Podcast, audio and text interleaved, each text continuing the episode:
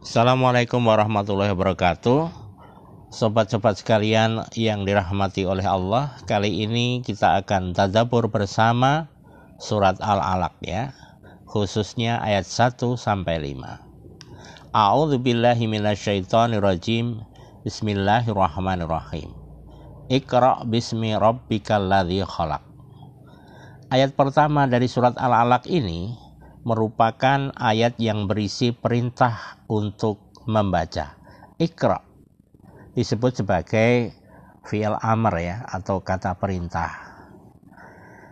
Ikra kalau kita lihat secara bahasa maka dia dari koro'a yakra'u kiro'atan ya. Kemudian dibentuk sebagai isim fa'il menjadi ikra.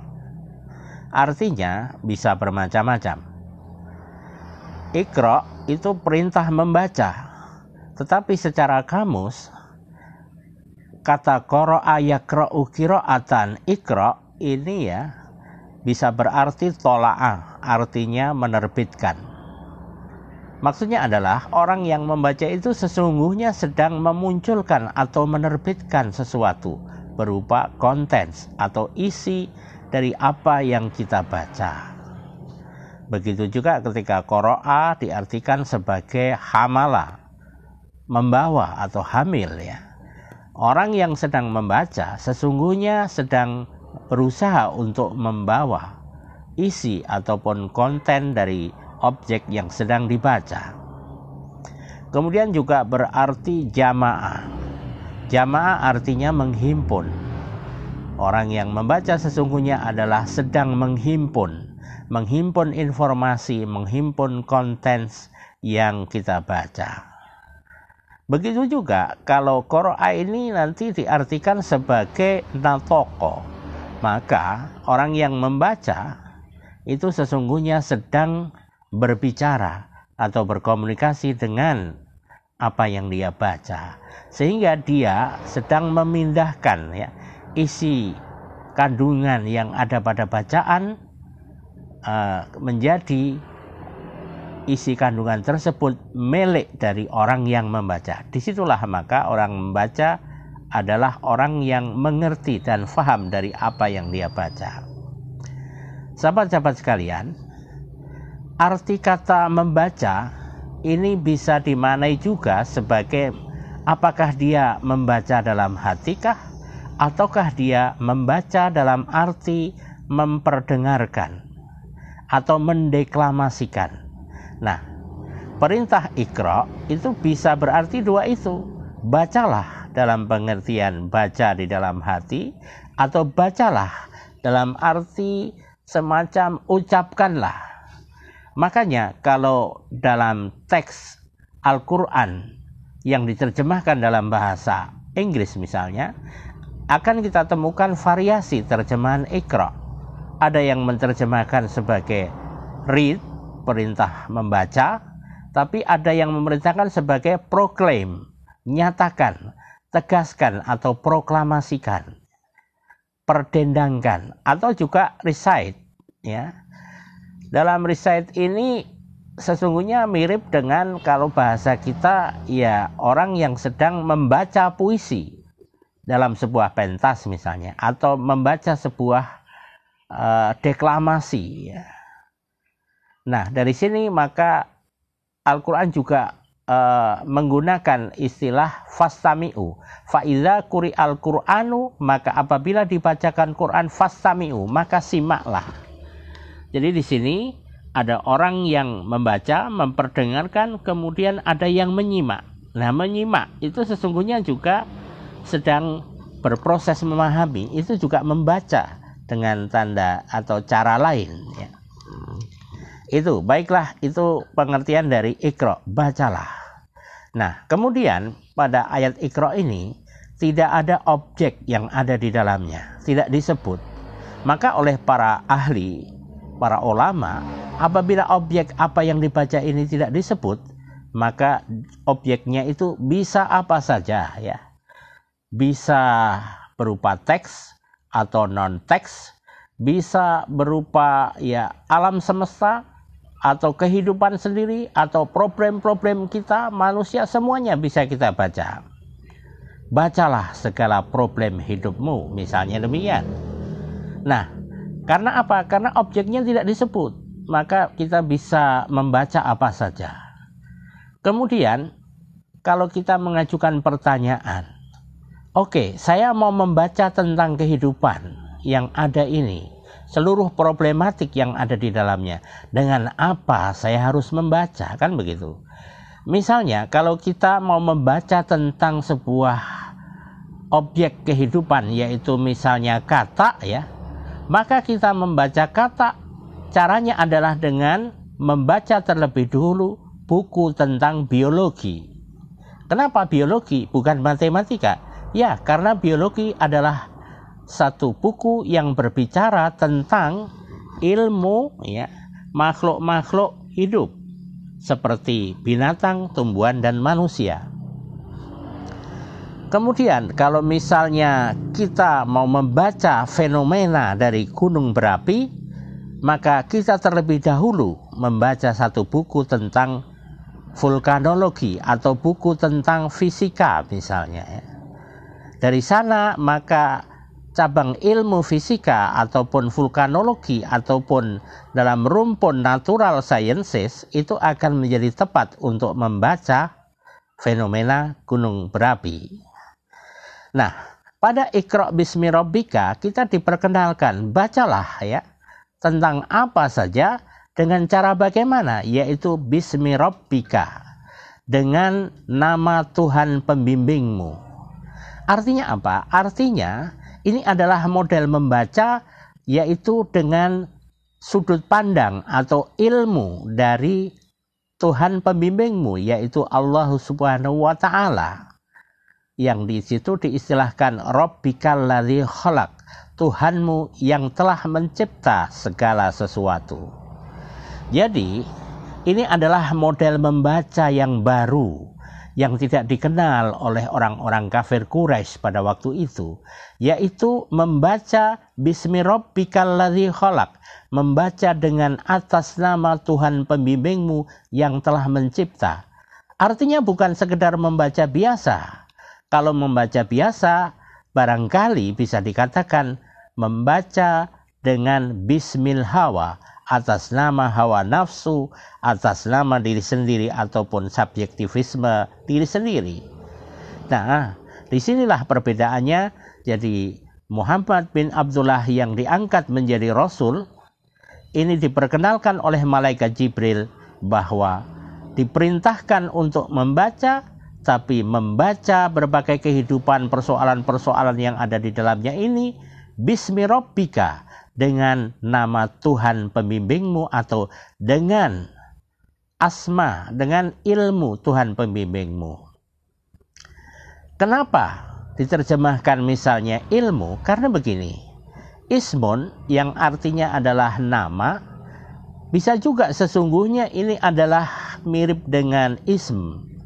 Hal demikian bisa kita ketemukan misalnya salah satu pendapat dari seorang Ustadz Ridho Hisam yang menulis risalah kecil dari TPA Kota Gede Yogyakarta itu menyebut sebagai uh, sebagai ism ya. Jadi kalau kita mengenal nasionalisme kemudian sosialisme kapitalisme semuanya berkait dengan isme. Maka di situ maka uh, kita bandingkan dengan ismi robbika menjadi ilmu Tuhan pembimbingmu Nah, di sinilah kita bisa memahami bahwa perintah Iqra bismi rabbikal ladzi khalaq adalah perintah membaca berbagai persoalan hidup dengan cara atau menggunakan ilmu. Dari mana ilmunya? Yaitu dari Tuhan pembimbingmu yaitu Allah Subhanahu wa taala di mana Allah ini adalah alladzi khalaq yaitu yang telah mencipta segala sesuatu. Demikianlah untuk kali ini, mudah-mudahan bermanfaat. Mohon maaf atas segala kekurangan dan kekhilafan. Wabillahi taufik wal hidayah. Wassalamualaikum warahmatullahi wabarakatuh. Assalamualaikum warahmatullahi wabarakatuh. Teman-teman, kita akan melanjutkan tadabur kita tentang surat Al-Alaq yaitu ayat 2. Kalau ayat pertama A'udzubillahi minasyaitonirrajim Bismillahirrahmanirrahim Iqra bismi rabbikal ladzi khalaq Ayat kedua adalah khalaqal insana min alaq pada ayat kedua ini secara ilmu kebahasaan disebut sebagai jumlah khabariyah. Artinya apa? Artinya pada khalaqal insana min alat ini adalah sebuah kabar yang sifatnya inform, informatif ya. Khalaqal insana min alaq bahwa insan Allah telah mencipta min alakin dari hasil perpaduan ovum dan sperma yang melekat pada dinding rahim. Nah, kenapa yang menjadi pertanyaan adalah ayat ini disampaikan kepada kita atau diberitahukan kepada kita bahwa kita sebagai al-insan sebagai manusia itu min alak. Kenapa harus diberitahukan? Mengapa sedemikian penting pemberitahuan ini kepada manusia? Tentu banyak tujuan. Salah satu di antaranya adalah bahwa agar manusia selalu sadar dari mana dia sebenarnya asal usulnya. Khalaqal insana min alaq. Bahwa setiap insan itu asal usulnya sama yaitu alak yaitu sesuatu yang melekat pada dinding rahim yang merupakan perpaduan antara sperma dan ovum yang kemudian diistilahkan sebagai sikut yang akan berkembang menjadi embrio, bakal janin.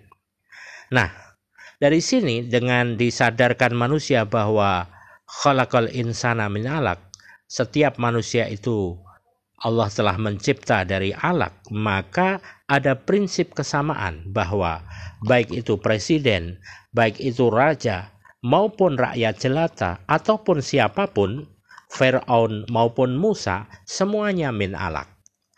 Dari sini tersirat satu prinsip bahwa man equal behind the law, man equal behind the code, bahwa manusia sesungguhnya sama di hadapan hukum, atau manusia sesungguhnya sama di hadapan Allah, di hadapan Tuhan.